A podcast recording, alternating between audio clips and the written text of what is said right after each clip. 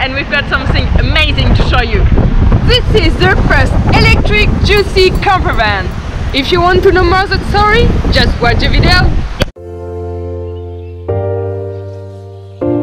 Eloise And Solène, I feel good!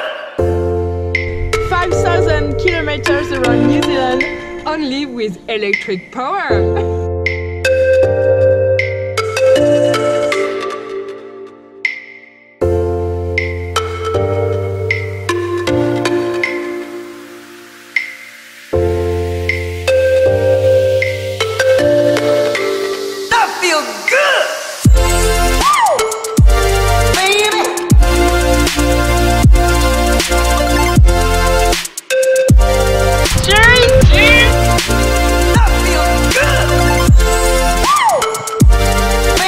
are fully charged and we can go back on the road again.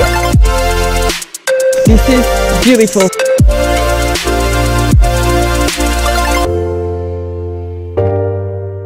But this is just the beginning and more and more is coming.